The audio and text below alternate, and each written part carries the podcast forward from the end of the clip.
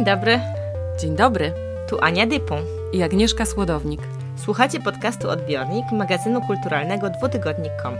Rozmawiamy w nim o nowych cyfrowych mediach w sztuce i sztuce życia z technologiami. W odcinku.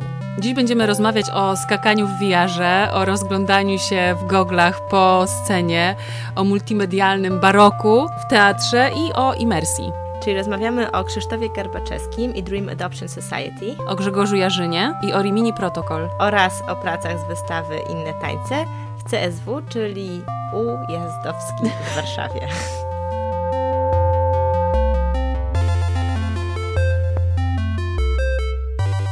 Odbiornik. Audycja dwutygodnik.com absolutne, fantastyczne poczucie wolności. A ty? A nie, ja to trzeci wymiar. No byliśmy w innym świecie po prostu. A ty? Jak się czułaś? Fajnie, dziwnie, fajnie. W Teatrze Powszechnym można było ostatnio obejrzeć spektakl New Territory VR Krzysztofa Garbaczewskiego i kolektywu Dream Adoption Society. To nie jest e, premiera, to jest e, znów taki żywy organizm, work in progress. Po spektaklu, czy też po tej całej sytuacji porozmawiałyśmy z publicznością i zrobiłyśmy krótką sondę. To było dziwne bardzo. Było ciemno, nie było wiadomo gdzie kto stoi i trzeba było coś znaleźć, ale to nie było takie rzeczywiste, to było dziwne. A doświadczenie ruchu? Bardzo fajne, bardzo mhm. super, super. Ja byłam przerażona, że ktoś jest koło mnie, a go nie widzę. W tym sensie, że co chwilę mnie ktoś łapał, kazał mi skakać, spadam e, z góry. Dziwnym odczuciem było to, że każda jedna postać była taka sama. Nie można było odróżnić, kto jest obok mnie, czy tą osobę już widziałem, czy nie. Można się w tym zgubić. A to jest przyjemne, czy nie?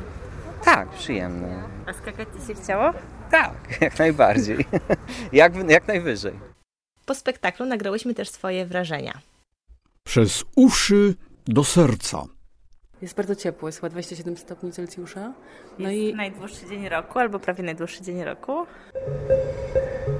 Wtajemniczony musi narodzić swe ciało eteryczne Powiedz mi, co to jest. Ja to odebrałam jako taką opowieść o tych New Territory, o nowych, wiesz, nowych lądach, o odkrywaniu nowych przestrzeni i są takie jakby ufolutki, które gdzieś tam są spuszczone na taką planetę, która jest była zainscenizowana przed Teatrem Powszechnym. Wszystko było włożone takim białym suknem. Oni mieli takie białe ubrania z dajkry e, i, i tańczyli jakby takie układy choreograficzne. I też oglądałyśmy ten spektakl z dwóch perspektyw. Ty siedziałaś na pufach jako, jako widownia, a ja, ponieważ była ograniczona os ilość osób, które mogły wziąć udział w samym spektaklu jakby aktywnie ze względu na ilość gogli. I ja byłam z kolei w takiej roli, w której te gogle zakładałam na siebie. Moduł pierwszy. W pierwszej części zostaliśmy wywołani na środek, my ludzie, którzy mieliśmy założyć później gogle i wokół nas tańczyli aktorzy. Taki tutorial. Aktorzy przebrani w takie białe kostiumy tłumaczą, co się będzie działo, przygotowują do wejścia w wirtualną rzeczywistość. To było trochę długie i też to byli aktorzy, a nie tancerze i to po prostu było czuć. To znaczy, że, że to są osoby, które mają różne środki wyrazu i być może samo tańczenie nie jest najlepszym środkiem wyrazu, jakim dysponują. Nie było to jakieś, nie wiem, straszne czy nieprzyjemne, natomiast rzeczywiście ten taniec był taki, taki trochę chocholi. I później była część, która polegała na tym, że się zakładało Google VR i trzeba było poruszać się, skakać. Bez skakania nie było poruszania się, żeby ten awatar się nie poruszał, albo mm, na przykład bez machania głową w górę, w dół intensywnego i szybkiego nie, nie można było fruwać, nie można było jakby być nad ziemią. To brzmi ciekawie, jako taka sytuacja, w której musisz zaangażować ciało do tego, żeby animować ruch też tej, tego awatara. Samo to poszukiwanie w ogóle jakiejś takiej formuły, w której um, ten VR nie jest tylko jakimś takim pudełkiem, które sobie zakładasz na głowę, żeby się przenieść do jakiegoś tam świata, tylko w którym staje się to częścią jakiejś większej narracji o tym, kim jesteśmy, kim jest nasze ciało, kim jest, jakby jaka jest rzeczywistość, która nas otacza i rzeczywistość, do której się przenosimy. Myślę, że to jakby było bardzo ciekawe, tak, w kategoriach poszukiwań.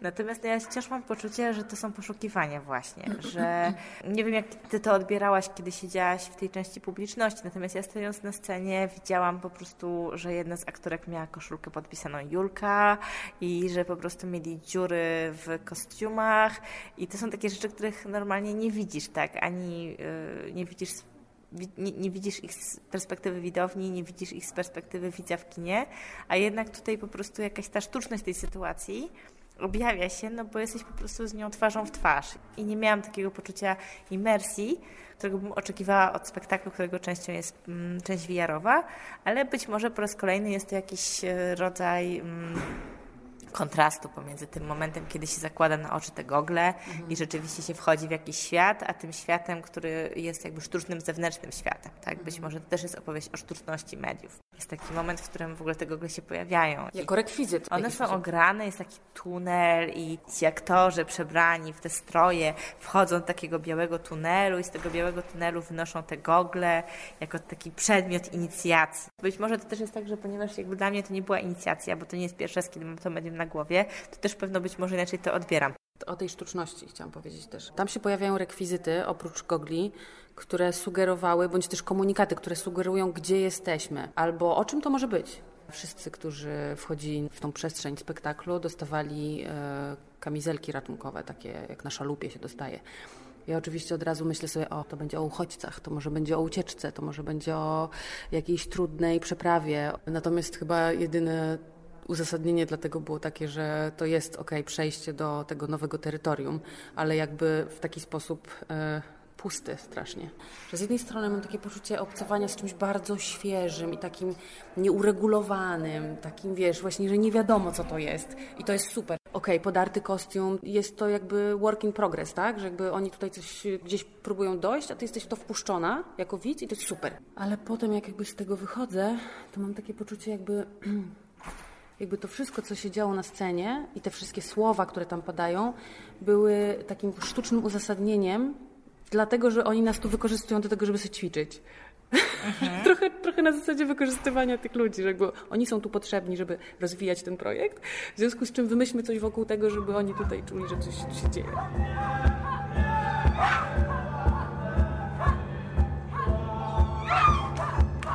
No ja Ci powiem, że dla mnie dużo ciekawsze było to, co się działo wokół VR-u niż sam VR. Znaczy jak rozmawialiśmy mhm. z osobami po spektaklu, miałam wrażenie, że jednak wszyscy się raczej odnosili do tego, co się działo wewnątrz VR-u. Tak, tak? tak I tak.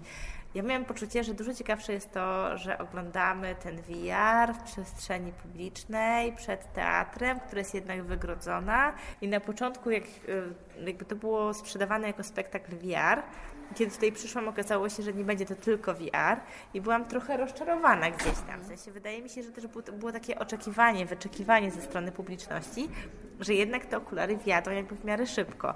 Natomiast tam był rzeczywiście taki duży, mm, duży taki prolog, e, o którym mówiłaś wcześniej i dla mnie to było dużo ciekawsze, znaczy, że osadzamy to medium, że to nie jest właśnie e, jakiś taki przedmiot, który jest oderwany od rzeczywistości, tylko to jest kolejny rekwizyt właśnie w jakiejś większej narracji. I dla mnie ta część była bardzo ciekawa. Wolałabym, żeby nawet ta część była bardziej dopracowana niż ta część VR-owa, tak? I e, myślę, że stawianie pytania o, to, o tym, czym jest VR, jakim, do, jakim dodatkiem w naszej rzeczywistości jest VR, myślę, że to są bardzo ciekawe tak naprawdę kwestie, które porusza ten spektakl, których zazwyczaj się nie porusza, kiedy się robi tylko rzeczy, które są ograniczone do tego świata wirtualnego, tak? Jakby nie ma tej, nie ma tej relacji między światem wirtualnym a światem realnym, a ta relacja jest właśnie najciekawsza. Całe to wszystko to był taki manifest, mam wrażenie, dla nowego medium. W ogóle chwała, chwała VR. Tak, ale powiem Ci, że zanim tutaj e, przyszłam, mm, to w sensie po, po zakupie biletów dostałam maila z działu obsługi, że idę na spektakl VR że VR jest niewskazany na przykład dla kobiet w ciąży, dla dzieci poniżej 12 roku życia, dla osób, które mają jakieś kłopoty z widzeniem, z błędnikiem, z czymś tam, że może powinnam się skonsultować z lekarzem w ogóle. I to wszystko było takie takie w ogóle, wiesz, tak jakbym miała wziąć udział w czymś takim bardzo niesamowitym, ale jednocześnie był w tym taki element opresji, znaczy, że wiesz, że po prostu tak jakby to było jakieś w ogóle graniczne, tak jakbym zaraz miała zażyć po prostu ayahuaskę, tak, rozumiesz, i po prostu w ramach publicznych pieniędzy. I tak samo jak tutaj przyszłyśmy e, do teatru, to na początku kazali nam podpisywać taki list, że biorę odpowiedzialność za sprzęt, że dostaję sprzęt w całości, że muszę oddać ten sprzęt w całości, że jeżeli coś się stanie, to ja ponoszę za to odpowiedzialność.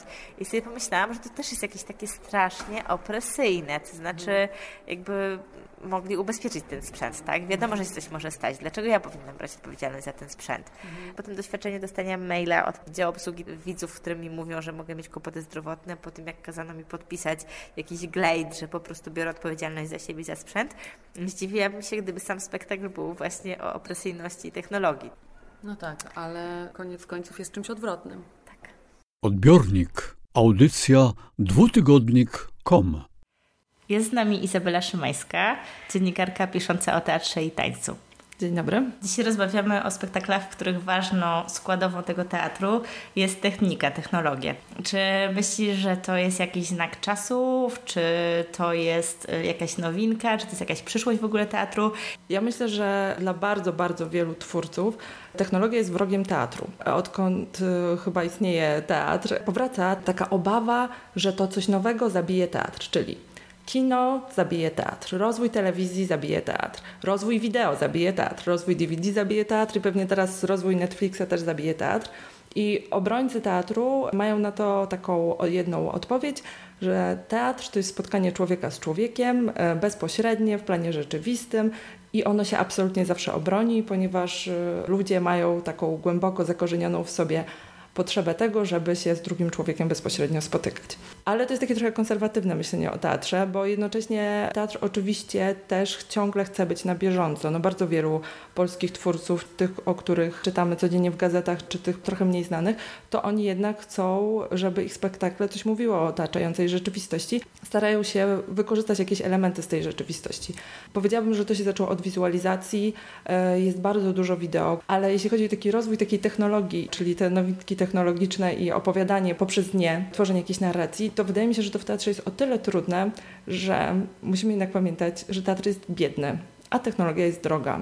A w to trzeba jednak zainwestować, żeby nie była takim kwiatkiem do kożucha i takim pokazaniem, że no my tutaj coś e, wiemy, że to jest takie modne i teraz sobie tutaj wrzucimy to do spektaklu.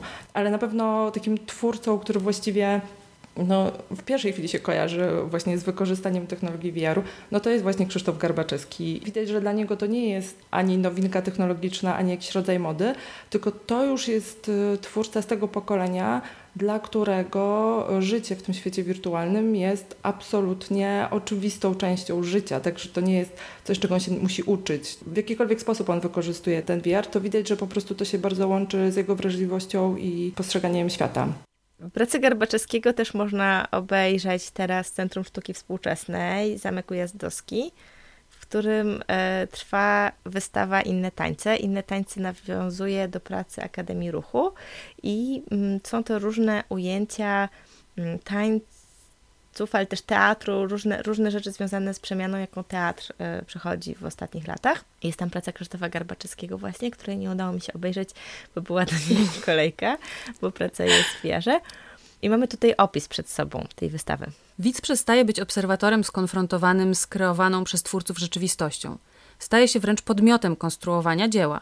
Artyści, przekraczając homogeniczność poszczególnych mediów wypowiedzi plastycznej, zespalają je z ruchem i akcją. W ten sposób osiągają spójne środowisko dzieła, w którym coraz częściej lokowana jest publiczność jako zwornik całej plastyczno-ruchowej konstrukcji. Zwrot performatywny ostatnich lat, uwzględniając odbiorcę jako swoją składową, rozmywa podział na galeryjny White Cube i teatralny Black Box. Kto słucha, nie błądzi.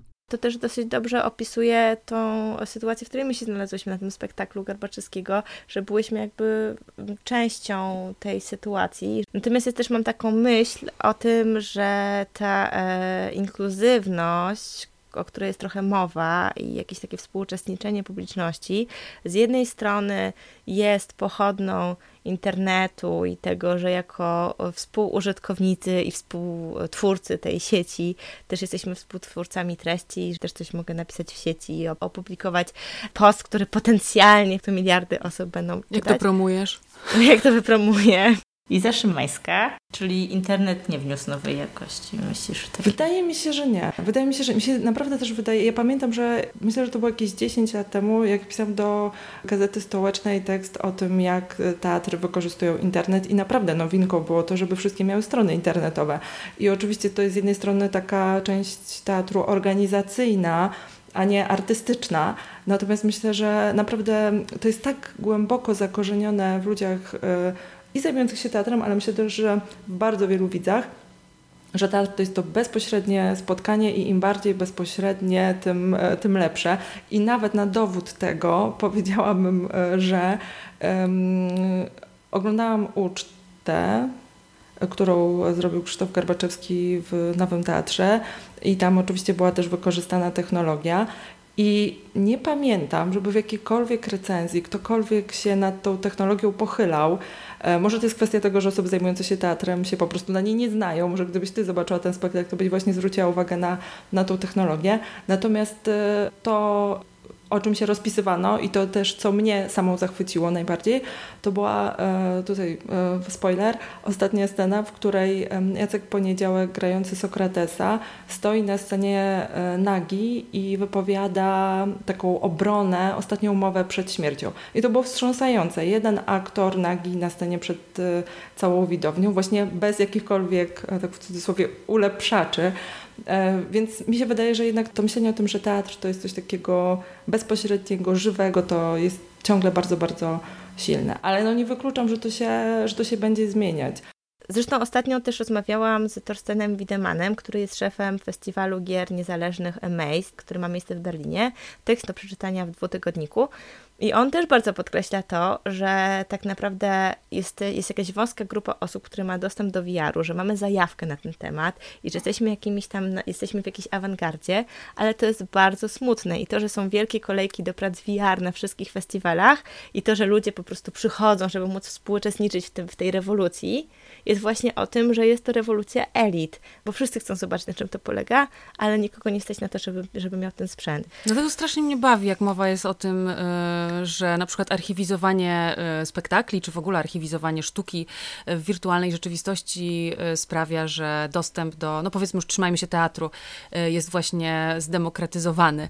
O czym zresztą będziemy rozmawiać za chwilkę w kontekście spektaklu Grzegorza Jarzyny Gen. A co jeszcze w dwutygodniku? Tymczasem w numerze. Bardzo chcieliśmy zrobić taki numer o kulturze, która jest w miejscach mało modnych, która jest w miejscach, których nie widać na co dzień. Zofia Król, redaktorka naczelna dwutygodnika. Opowiedzieć o ludziach, którzy bardzo wierzą w swoją pracę, niekoniecznie są e, szeroko widziani i słyszani. Mamy świetne rozmowy na przykład z nauczycielem z Lelowa, z animatorami z Górzna. Też próbowaliśmy naszych autorów wysłać do e, miejsc, w których się urodzili. Maciek Jakubowiak e, sprawdza, jak wygląda kultura w Żorach. Maria Magdalena Kozłowska wraca do Zielonej Góry, skąd pochodzi. To są bardzo emocjonalne teksty, pełne takiej próby zrozumienia miejsca, skąd się jest. Sprawdzamy też, jak wyglądają małe kina w, w najmniejszych miejscowościach. Piotrek Kowalczyk opowiada o scenie muzycznej w Gorzowie. To jest taki numer, który zbiera właśnie drobne, lokalne e, sytuacje w jedną opowieść o tej Polsce, w której kultura dzieje się bardzo mocno, w której wierzy się wciąż w działanie szkoły, w której to do polonistów należy język, w której warto robić nawet najmniejsze rzeczy, bo one coś zmieniają. Słuchacie podcastu Odbiornik, magazynu kulturalnego dwutygodnik.com. W ogóle jakie są możliwości archiwizowania teatru? Iza Szymańska. My mamy, co jest bardzo e, unikatową sytuacją, teatr telewizji i ogromną tradycję tego teatru telewizji, który jednocześnie jako forma filmowa, powiedziałabym, czy nawet filmowo-telewizyjna, bardzo często tak trąci myszką, więc zwłaszcza ci twórcy takiego pokolenia już dzisiaj klasycznego, ale wtedy, wtedy młodego, czyli Jarzyna Warlikowski, oni pamiętam, bardzo długo nie chcieli rejestrować swoich przedstawień, zwłaszcza do teatru telewizji telewizji. Wydaje mi się, że trochę się to zmieniło e, w momencie, kiedy pojawiła się Nina, jeszcze wtedy tego Instytut Audiowizualny, bo pojawiły się możliwości takiego filmowego zarejestrowania, czyli żeby nie tylko włożyć w jakieś czarne pudełko ten spektakl i go pokazać, tylko wymyślić rzeczywiście, jak przełożyć e, to, co widzimy na scenie, na coś, co będzie miało jakość e, filmową. I większość e, takich ważnych przedstawień rzeczywiście została zarejestrowana. Ja w międzyczasie miałam takie dwa odkrycia archiwizacyjne. Jedno odkrycie to był film Pina Wima Wendersa, który był zrobiony w 3D. Pamiętam, że byłam tym absolutnie zachwycona, dlatego że 3D pokazuje przestrzeń. Ruch w przestrzeni jest zupełnie czymś innym niż ruch tak na płasko. I ta kamera ona też pokazuje te spektakle z takiej strony, której nie możesz zobaczyć, kiedy siedzisz na widowni, tak? Czyli ona wchodzi na scenę z góry, z boku. No, a drugim odkryciem jest właśnie 360 stopni, które jest wykorzystywane też e, promocyjnie w Royal Ballet Theatre z Londynu. Na ich stronie internetowej możemy zobaczyć taką przechadzkę po teatrze i po kulisach prowadzoną przez e, młodą tancerkę, która właśnie ma wystąpić w Dziadku do Orzechów. I ona pokazuje nam kulisy, ale też pokazuje, jak, e, jak wyglądają próby, jak wygląda całe przygotowanie, trening. Wrzucimy link pod playerem. I zapraszamy też na Ninatekę, gdzie możecie znaleźć e, archiwalne spektakle, ale też archiwalne odcinki odbiornika. Iza Szymańska, bardzo dziękujemy za rozmowę. Dziękuję. Spektakl Gen Grzegorza Jarzyny widziałyśmy obie w e, goglach, e, to jest rejestracja 360 stopni. E, spektaklu, który miał miejsce z publicznością. Wyglądało to w ten sposób, że była faktycznie scena taka w kształcie forum, naokoło była publiczność, która też wiedziała, że to jest nagrywane. Tutaj nie ma specjalnej interaktywności. To jest oprócz tego, że możesz machać głową i się rozglądać jakby wokoło. Mm, natomiast y, to, co ze mną zostało po tym spektaklu, to jest historia. To jest historia takiej grupy ludzi, która kontestuje, nie wiem, system, tak? Y, I chce się wyrwać z pewnych konwenansów społecznych i próbują w związku z tym żyć razem w jakiejś takiej komunie i jakby na bieżąco zastanawiać się, co, jak żyć, jakby próbują wypracować nowe formy rozmawiania, komunikowania się ze sobą bycia w relacjach, ale jakby no historia pokazuje, że jakby wpadają co chwila w jakieś takie pułapki, no właśnie nie wiadomo czego, natury ludzkiej, nie wiem, tak? Ale jakby została ze mną historia, e, ponieważ e, jakby same gogle są tutaj użyte totalnie właśnie służebnie, tak, do tego, żeby zarchiwizować spektakl. I twórcy twierdzą, że to jest w ogóle e, naj, najlepsza metoda archiwizowania teatru. Nie wiem, czy to dotyczy wszystkich spektakli, bo ten spektakl ma układ, układ taki mhm. 360, że po prostu jest kwadratowa scena, że są ekrany wokół i że to jakoś wszystko się składa. Natomiast ja Ci powiem, że ja też byłam zaskoczona tym, jak łatwo mi to weszło, i, yy, bo to był jest dosyć długi spektakl i tak no naprawdę właśnie. zakładasz te gogle i zazwyczaj jednak po 5 czy 10 minutach robi Ci się niedobrze. Mhm. Natomiast tam przez to, że ten obraz też jest statyczny, znaczy tam są takie momenty, że ta kamera skacze i się przez ten point of view, ten punkt widzenia, widza się jakoś tam przesuwa. Mhm Natomiast koniec końców tak naprawdę przez większość czasu e, jest dosyć statycznie. Po prostu stoisz i możesz się rozglądać i uczestniczyć w tym, co się dzieje i też jakby to takie poczucie w związku z tym, mm, że błędnik nie wie, co się dzieje, jest myślę stosunkowo e, mniejsze niż w pracach, które gdzieś jest jakoś tam zakorzenione, zakorzenione w ruchu. Chociaż miałam taki moment, y, bo to trwa półtorej godziny. Zamykałam sobie oczy raz na jakiś czas i zostawałam w słuchawkach. I to było bardzo też przyjemne, y, taka możliwość wyłączenia się z tego doświadczenia, bo jednak VR, taki interaktywny VR jest bardzo absorbujący, wymagający, angażujący i ty musisz tam coś ciągle robić, jak to ma się dziać, tak? A tutaj można było troszeczkę wyjść z tego. To jest dla mnie jakiś walor. Tak, natomiast jeżeli chodzi o sam dźwięk, to myślę, że my też widział, widziałyśmy chyba work in progress, mam nadzieję, bo ten dźwięk nie był binauralny. Głos jest czymś, co pozwala tego widza prowadzić. Jak słyszysz głos z tyłu, to się odwracasz mhm. i wiesz, że co się dzieje z tyłu. Natomiast ponieważ e, rzeczy, rzeczy, rzeczy rozgrywają się dookoła ciebie w tym spektaklu, a ty często widzisz tylko jeden fragment rzeczywistości, który masz akurat przed oczami, to nawet nie wiesz, że powinnaś się odwrócić, bo ktoś właśnie wszedł na scenę z drugiej, jakby z drugiej strony, bo nie słyszysz tego. Dźwięk mhm. jednak jest dobrym przewodnikiem. Daj oczom odpocząć. Dźwięk jest bardzo ważny i my jakby wierzymy w to obie całym sercem, dlatego robimy podcast. I dlatego też y, bardzo ciepło nam się robi na sercu w związku z Open Callem, który został wystosowany przez Instytut Adama Mickiewicza. To jest call, który trwa do 10 sierpnia dla twórców e, z Europy Środkowo-Wschodniej na pracę do 10 minut i wszystkie prace e, należy nadsyłać razem z transkrypcją w języku angielskim, bo zwycięska praca zostanie opublikowana na stronie Radio Atlas, którą też możemy serdecznie polecić, bo jest to strona, która zbiera różne dokumenty radiowe z całego świata i wszystkie mają podstawione angielskie napisy, więc można sobie posłuchać jakichś chilijskich albo fińskich e, dokumentów Super. radiowych, więc zwycięska praca znajdzie swoje miejsce w tym właśnie repozytorium, jakim jest Radio Atlas e, oraz również twórcy dostaną zaproszenie na konferencję Digital Cultures, którą we wrześniu organizuje Instytut Adama Mickiewicza. Wszystkie linki oczywiście pod playerem, jak zwykle. Welcome to remote Berlin. My name is Rachel. I sound a bit artificial. Sorry. I am not human, but I will try to be your friend. I'm programmed for you. I'm programmed so that you will always find your way. Ostatnio też widziałam spektakl, który się opierał głównie na dźwięku, na mieście i na dźwięku. Mhm. I było to Remote X Rimini Protocol, o którym to kolektywie już rozmawiałyśmy przy okazji ich spektaklu Situation Rooms w Teatrze Nowym. Jak tym razem? Tym razem spektakl polega na tym, że zakłada się słuchawki i razem z grupą kilkudziesięciu innych osób idzie się na spacer po Berlinie. 180 degrees. Stefan Kegi z Rimini Protocol. Jesteśmy z Berlina. Szukamy nowych rozwiązań i kierunków, które poszerzają to, co tradycyjnie kryje się pod pojęciem teatru. Zależy nam, żeby nasze prace zakorzenione były w rzeczywistości, bo medium teatru często jest wypaczone przez przedawkowanie fikcji i rzemiosła. Remote X to przede wszystkim kolektywny dźwiękowy przewodnik po mieście. Przyglądamy się w nim światu, w którym coraz więcej decyzji delegujemy na algorytmy i programy, które powstają w oparciu o to, jak działa większość ludzi. Jak zmienia się nasze życie, kiedy im ufamy?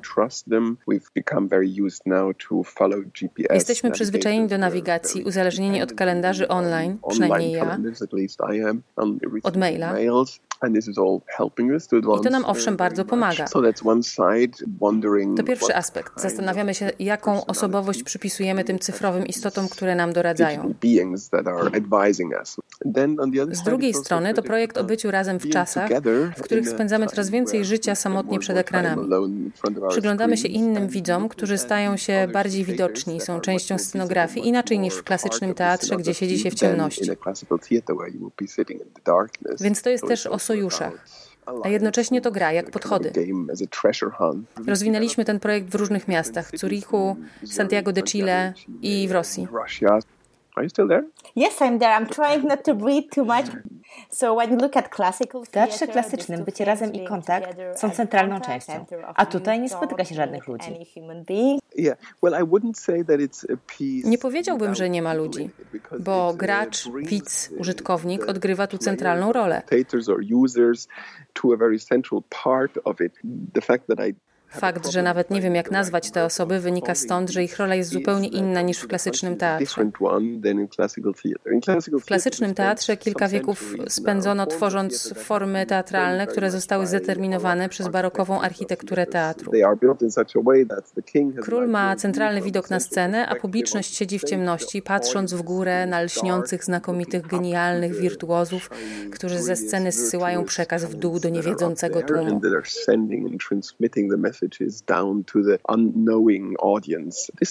To jest wręcz reprezentacja jakby totalitarnego społeczeństwa. Żyjemy dziś w demokracji i to dobry moment na przemyślenie teatru. A jaka jest rola technologii w Twojej pracy? Nigdy nie jest w centrum, to tylko narzędzie, ale nie mam kłopotu z korzystaniem ze współczesnych technologii. W now, najnowszej pracy, nad którą obecnie pracuję, buduję robota humanoida, który stawia pytania o sztuczną inteligencję w bardzo fizyczny sposób. To będzie spektakl teatralny z klasycznym układem, ale główny bohater nie będzie z krwi i kości. Mówi za to ludzkim głosem, bo to kopia, klon niemieckiego pisarza Tomasa Melle. Bardzo naturalistyczny. Dramaturgia będzie całkowicie klasyczna od A do Z, ale jednocześnie na scenie nie pojawi się żaden żywy aktor. Technicy nacisną guzik na początku przedstawienia i rozpocznie się spektakl wykład, który zakończy się po godzinie.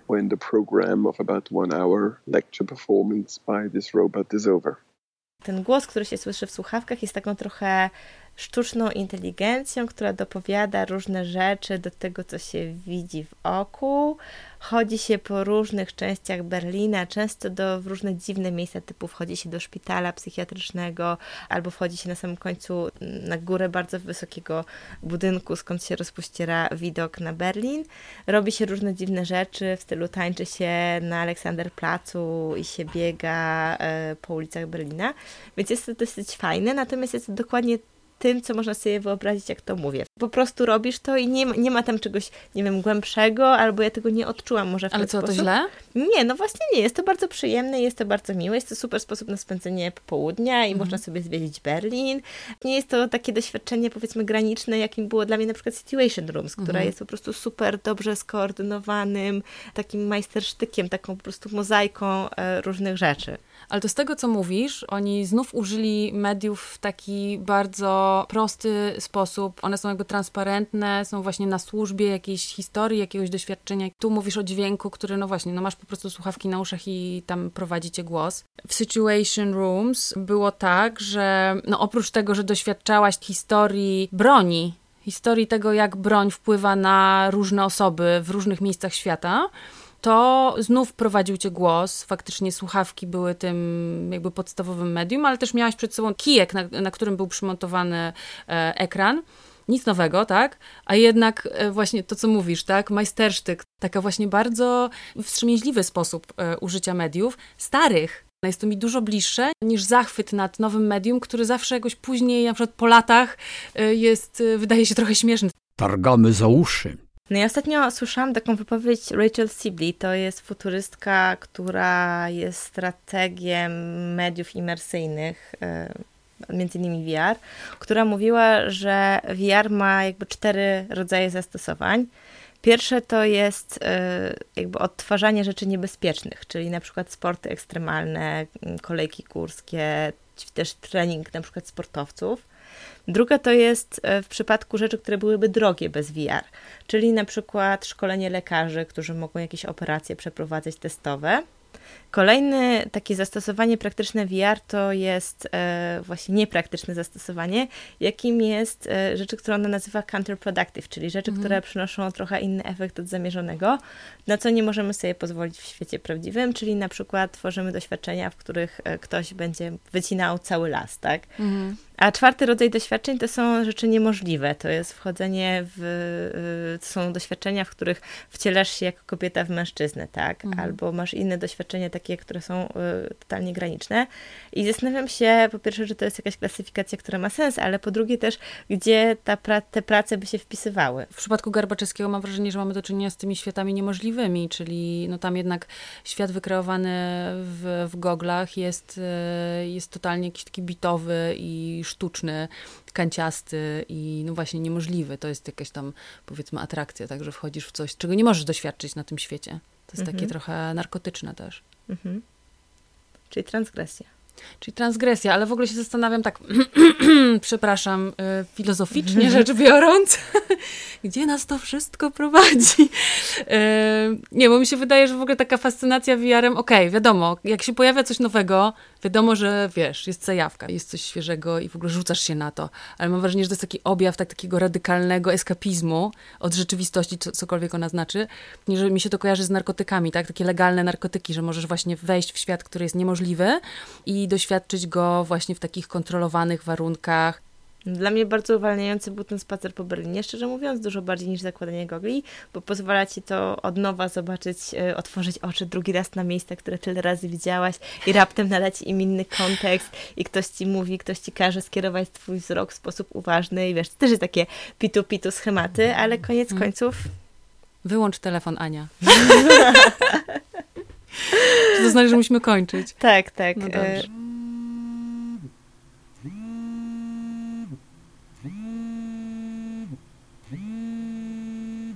Halo? Tu odbiornik.